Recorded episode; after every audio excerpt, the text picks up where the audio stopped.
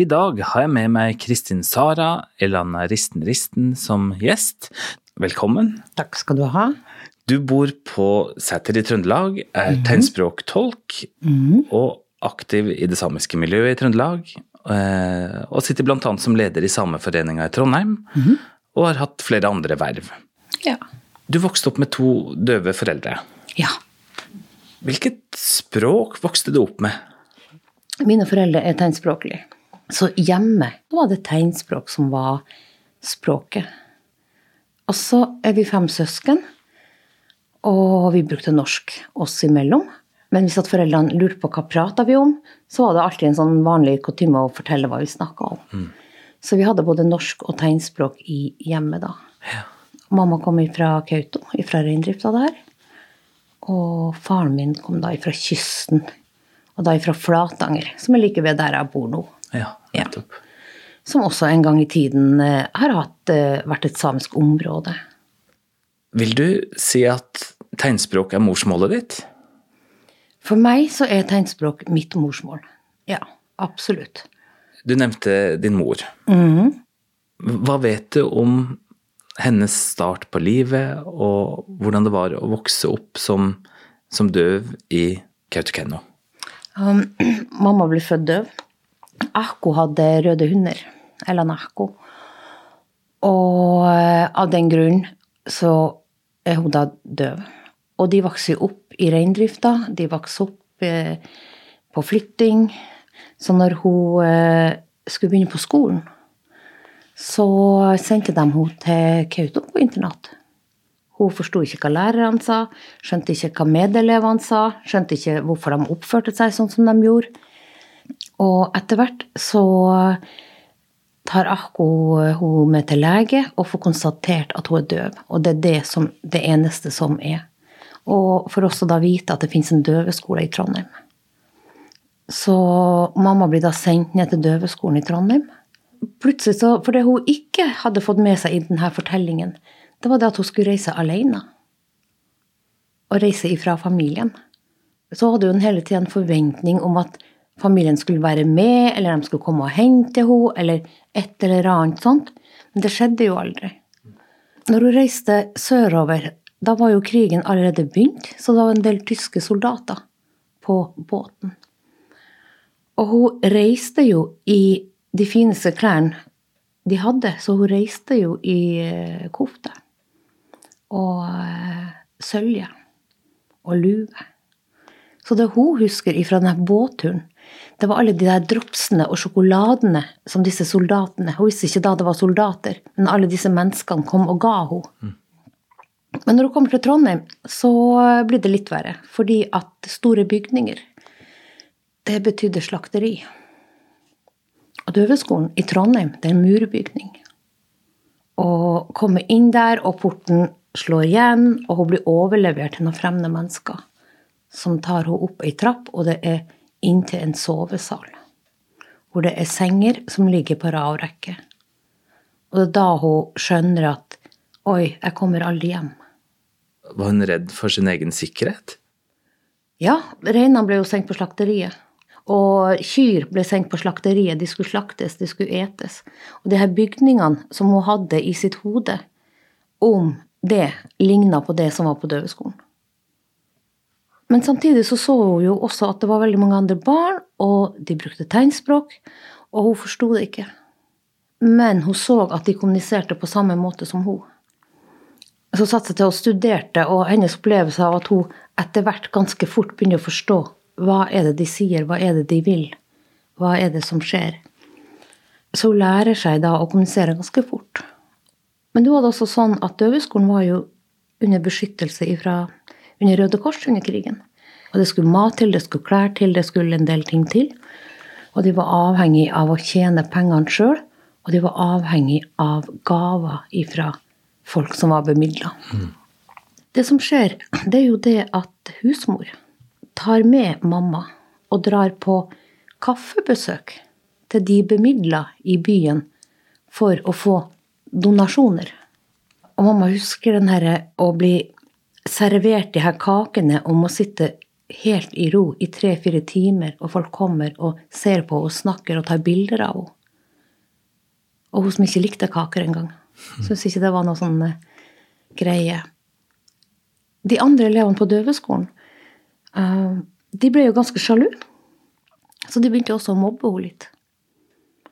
Så hun hadde en, veldig sånn her uh, vanskelig start på døveskolen. For hun ville være på døveskolen. Hun ville være der og leke med de andre barna. Og så ble hun tatt ut, og så begynner de andre barna å snu seg mot henne fordi at hun får en del som for dem var goder, ja. men som for hun absolutt ikke var det. Så etter å ha vært der et år, så reiser hun jo også hjem. Og da, når hun skal tilbake igjen, da, så sier hun altså til Ahko at eh, 'jeg vil ikke ha kofta mi'. Så allerede som veldig ungt barn så la hun fra seg kofta og alt det samiske. Samtidig så har man vært veldig heldig fordi at hun har en familie som er veldig knytt til hverandre. Sånn at hun alltid kunne komme hjem til Kautokeino, alltid vært ifra Kautokeino. Hun bodde på internatet. Mm. Når jeg hører internat, så tenker jeg oi, mm. problematisk. Mm. Det er en sånn fordom som jeg har. Mm, mm. Men det er jo ikke så enkelt for henne, jeg har inntrykk av da. I forhold til døve så var jo internat redningen. Veldig ofte. Selvfølgelig, det skjedde mye som ikke skulle skje på internat og på skoler for døve også. Men det ga ungene et nettverk, det ga ungene en utdanning, det ga dem et språk, og det ga dem en kultur. De fleste døve som jeg kjenner, som har gått og vokst opp på døveskolen, de har vært veldig glad for det. Også fordi at det har skapt en veldig sånn sterkt samhold og sterk kultur. Man har felles referanser. Mm. Det her er nesten 80 år siden. Hun kjente seg velkommen tilbake i Kautokeino sånn sett, eller beholdt en kontakt. Mm. Hvordan, hvordan, er det for, for, deg og dine barn nå i dag? Jeg er veldig knytt til Kautokeino og til den samiske kulturen. Det er jo min kultur. Det er jo mine folk, det er min familie, det er mitt liv. Mitt Sápmi. Og veldig takknemlig for den familien som er fordi at de har holdt kontakten, så man vet at man er en del av Kautokeino, man er en del av Sápmi. Så man på tegnspråk som et eget språk? Nei. Tegnspråk eh, var noe man tenkte man brukte i mangel av å kunne lære norsk.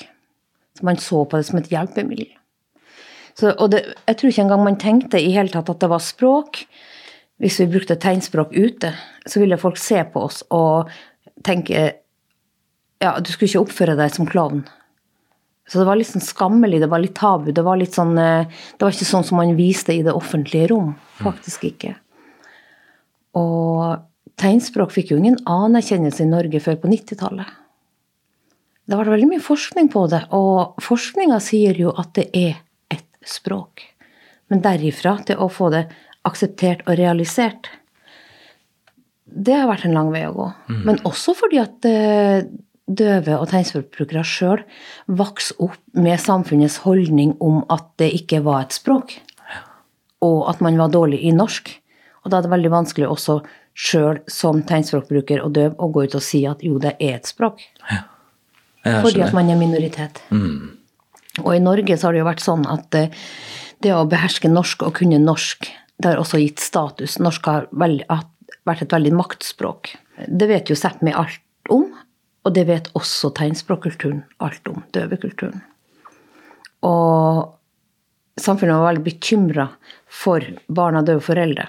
Det at døve hadde barn pga. språkutvikling. Og jeg husker en da når jeg var tenåring, så jeg og pappa vi gikk faktisk på kurs for å lære oss å prate ordentlig med hverandre. Da skulle vi lære oss tegnspråk norsk. Det å sette tegn på hvert bidige norske eh, ord. Og jeg gjennomførte første trinnet og andre trinnet, og jeg fikk det aldri til. Så jeg ga opp. Og det var noen andre hørende som var også på dette kurset, og de kommer og ser på oss og sier at 'Hvorfor går dere på kurs? Dere er jo så flinke.' Og så husker jeg at vi svarte at 'Nei, dere skal ikke se på det vi gjør, for det er ikke riktig'. Og vi mente det, og vi trodde på det. Mm. Så vi aksepterte faktisk at vi ikke hadde eh, IQ nok til å kunne egentlig prate med hverandre sånn som andre gjør. Så vi gikk tilbake til det vi brukte å gjøre. Altså den gangen tegnspråk. Vi hadde jo ikke noe språklig bevissthet på det. Og det har også fulgt meg opp gjennom årene, den herre viten om at jeg ikke har evner til å lære. Samtidig, de årene, så var det jo Alta-saken. Og jeg gikk på skolen, og jeg husker den læreren min som ville at jeg skulle stå opp og si noen ting om den konflikten og forsvare den konflikten i klassen. Og ta den debatten. Eh, jeg gikk på ungdomsskolen. Og det ble jo også med på å bekrefte at jeg ikke hadde evner til å kunne prate norsk. Fordi at hvordan skulle jeg være i denne debatten? Jeg skjønte jo ikke da at jeg var 14 år og absolutt ikke noe politisk eh, aktiv. Så den herre um, skamma over å være same, og dem som gjorde seg til på TV, og dem som dro og markerte i stilla, den ble jo veldig sterk. Men også det skamma over å ha døve foreldre, som egentlig heller ikke hadde evne til å kunne være gode omsorgspersoner, fordi at man ikke hadde evne til å kunne prate norsk. Så det var ganske mange påvirkninger fra forskjellige hold. Faktisk. Og da var det veldig fint å komme til Kautokeino og øh, være med sine egne. Fordi at der var det aldri spørsmål om du var norsk eller samisk, eller hvem du var. Eh, det var aldri krav om å måtte forsvare noen ting. Og familien har alltid kommunisert med mamma, enten ved å skrive eller geste eller prate tydelig. Det har aldri gitt meg det ansvaret om å tolke. Nei, nettopp. Så det har vært en veldig sånn velsigna friplass. Hvor man kan få lov til å være en av alle. Og ikke stikke seg fram på noe som helst vis. Og når jeg tok tolkeutdanninga, så var det også en sånn rådende holdning på at eh, å ja, hun har døve foreldre, så hun er ikke så god i norsk. Og det var ikke noe sånn følelse, det var en kunnskap jeg hadde om at jeg ikke kunne norsk. Det var en aksept av at jeg ikke kunne. Um, en forsoning med at jeg ikke hadde evner til å kunne. Ser jeg tilbake på det i dag, så ser jeg jo at jeg har bestandig hatt femmere og seksere i norsk. Femmere og seksere i engelsk. Det er på en måte ikke et forhold mellom det jeg har fått i karakterer i utdanninga, og de signalene og den opplevelsen jeg har hatt. Men det sier også noen ting om tegnspråkets status. Ja. Når mitt språk ikke har et, noen status, ikke har rom for å leve, og at det blir sett på som et hjelpemiddel, så gjør det også noen ting med følelsene dine. For språk er veldig knytta til følelser. Det som var problematisk, det var jo også det her med de menneskene rundt deg som gjerne ville lære noen tegn. Fra deres side så var det jo sikkert at de var nysgjerrige, de syntes det var morsomt, de syntes det var spennende. Men fra min side var det min hverdag. Du, hva er tegnet for gris? Og så gjør de en underholdning ut av det. Og det jeg syns alltid har vært veldig sånn vanskelig, det å kunne møte de som kommer og spør, og spesielt i forhold til banneord og sånn, og det er gjerne på en fest, og det er gjerne etter klokka tolv, ett eller sånt. Så da er jeg veldig ferdig med festen og går.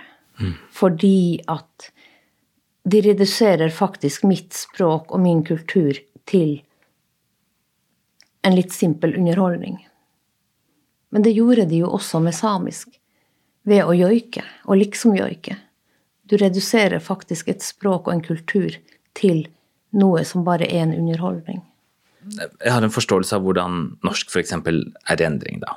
Man får impulser utenfra. Det er, det er utviklingstrekk innad i, blant språkbrukerne. Men, men hvordan utvikler tegnspråk seg? Faktisk på akkurat samme viset. Og det er jo sånn at eh, mamma, nå som eldre kvinne, syns det kan være problematisk å forstå ungdommer. Fordi at de har ungdomsleng, de, de prater på en sånn måte som hun bare skjønner ikke helt hva de snakker om. Altså, folk forstår hverandre mye mer nå, på tvers av dialektene, fordi at man reiser mer. Ja, nettopp. Ja, men tidligere så var det litt sånn når noen kom fra Oslo eller Bergen, så kunne man litt stusse litt på hva de sa. Altså, samisk tegnspråk, da? langt færre språkbrukere? Mm. Ut ifra at eh, de fleste ble sendt på døveskolen i Trondheim, så lærte de seg jo tegnspråk. Trøndersk, norsk tegnspråk. Ja. Også en del som reiser hjem, og en det som ikke gjør det. Og spørsmålet er jo hvor mange språkbrukere skal du ha før du kan kalle det en samisk eh, tegnspråk.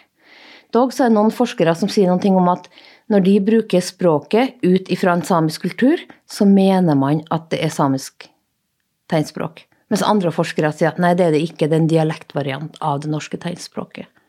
Okay. Så det handler litt om øynene som ser, og jeg har ikke noe svar på det. Men jeg vet at mitt tegnspråk er annerledes når jeg snakker med samien, enn om når jeg snakker med ikke-samien. Samer er jo i seg sjøl en minoritet. Hvordan er det for samer som er døve, å, å være en minoritet i minoriteten? Når man da vokser opp på døveskolen og reiser hjem, så har man kanskje ikke førstehåndskunnskap om sin egen kultur, sitt eget språk og sin egen familie. Det blir en sånn her type second hand information, for det er noe du får fortalt. Fordi at du vokser opp på døveskolen og, og har din grunnutdanning der. Mm. Og så er det sånn at hvis du er integrert, så får du det også fortalt. Men fra én og én person, for du hører jo aldri hvordan folk prater til hverandre hvordan man kommuniserer, hvordan man oppfører seg, hva man snakker om til frokosten, hva man planlegger, hvor, hvorfor planlegger vi sånn og sånn fordi at de skal i reingjerdet, hvorfor gjør man sånn og sånn og sånn. Alle disse ordene som vi tar for gitt, det vil jo ikke det døve barnet høre.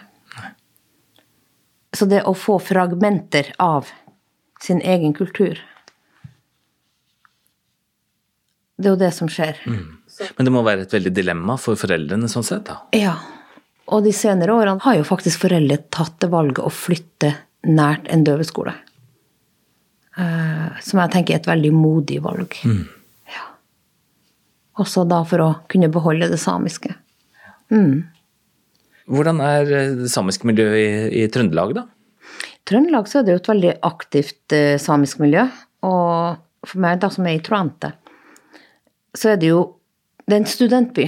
Så det har alltid vært samiske studenter der, og noen har blitt, og noen har dratt. Sånn at Sápmi i Tronte er jo sørsamisk, lulesamisk, det er nordsamisk, det er sjøsamisk, det er Alle er på en måte representert. Det samiske miljøet i Tronte er jo min utvida familie. Mm. Når man er engasjert politisk eller i foreninger, så er det naturlig å ta noen fighter, da. Mm. Har du tatt noen fighter? Om jeg har tatt noen fighter, det vet jeg ikke. Men allerede i 2007 så begynte vi jo jobben opp mot eh, Trondheim til 2017 og det 100-årsjubileet.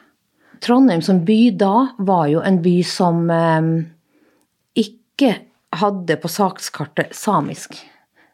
Så når vi eh, møtte bystyret og sier at Trondheim er også en samisk by, så var det som å snakke til vinden fordi at eh, det var ingen bevissthet på det.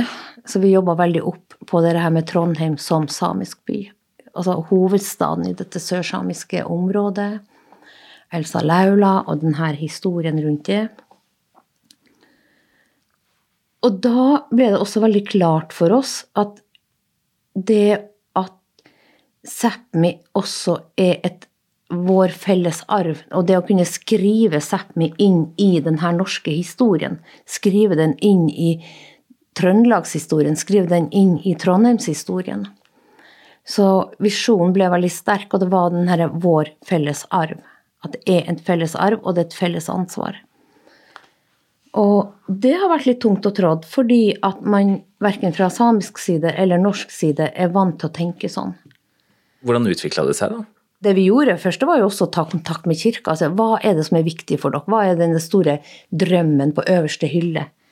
Og klart, Det å få et lite alter i Nidarosdomen, det var jo et sånn kjempestor drøm. Og signalene tilbake er at det vil aldri kunne gå. Fordi at det er nasjonalhelligdom, den er verna, og alle de her restriksjonene som finnes der. Men det å jobbe under dette her med felles arv, felles ansvar, vi er to folk, og i en nasjonalhelligdom så burde det faktisk være synlig at vi er to folk. så klarte man faktisk det òg. Og jeg tenkte jo at klarer vi det, så klarer vi alt.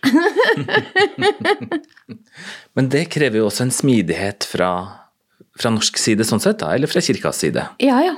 Og Nidarosdomen, når de har kommet på banen, og spesielt Tor Singsås, har jo gjort en fantastisk jobb. Altså gammelbiskopen? Ja. Eh, med å jobbe fram det prosjektet sammen med Samisk kirkeråd. Men har det ført til at byen endra seg, da? Byen har endra seg veldig. For tidligere å gå i kofte i Trondheim har ikke sånn på kvelden, sånn etter klokka elleve, det er litt sånn kamikaze-sport. Men det er det faktisk ikke lenger. Det er mye mindre av det, og man kan faktisk gå med kofte i byen uten å bli trakassert. Så byen har endra seg enormt, sånn generelt, faktisk. Det som er aller mest, det er det at jeg har aldri visst at det finnes så mange sæmien i Trondheim. I etterkant så er det så mange som egentlig er sæmien, og som kommer fram og vil være en del av dette Sápmi. Ta tilbake sitt eget Sápmi. Hvordan syns du tegnspråket er anerkjent i dag? Tidligere så hadde man døveskoler. Det var spesialskole. Og de holdt lenge opp til 80-tallet. Og så kom jo denne reformen, og man la ned spesialskolene. I samme slengen så legger man også ned døveskolene. Og at barn skal vokse opp hjemme, integrert. Og det er vel og bra. Men det språklige aspektet får de jo ikke med seg. Så jeg tror nok at det er verre å være døv og vokse opp i dag enn hva det var for 20 år siden. Fordi at du ikke har dette språkmiljøet. Du kanskje vokser opp hjemme og får én tolk. Og ett menneske utgjør ikke en språk og en kultur. Eh, men det er det som er den rådende i dag. Så denne kampen for døveskolene og kampen for eh, barnehager, den er veldig sterk. Man sier tospråklighet, men man, har ikke kommet dit hen i rent praktisk handling Nei. fra bevilgende myndigheter. Man stoler ikke på den forskninga som foreligger. Man er veldig bekymra for at døvekulturen på en måte viskes ut. Så er det rett å forstå det sånn at storsamfunnet styrer flere døve i landet her ut i isolasjon? Er det, er det riktig å oppfatte det sånn? Jeg vil si det. Men selvfølgelig andre vil jo ikke si det. Og heller ikke f.eks. For eh, foreldre som får døve barn. For at vi som foreldre vi vil gjerne bo sammen med barna våre, vi vil ha barna våre. Og bo i det miljøet vi bor. Døve selv, de ser jo på seg som en språklig minoritet.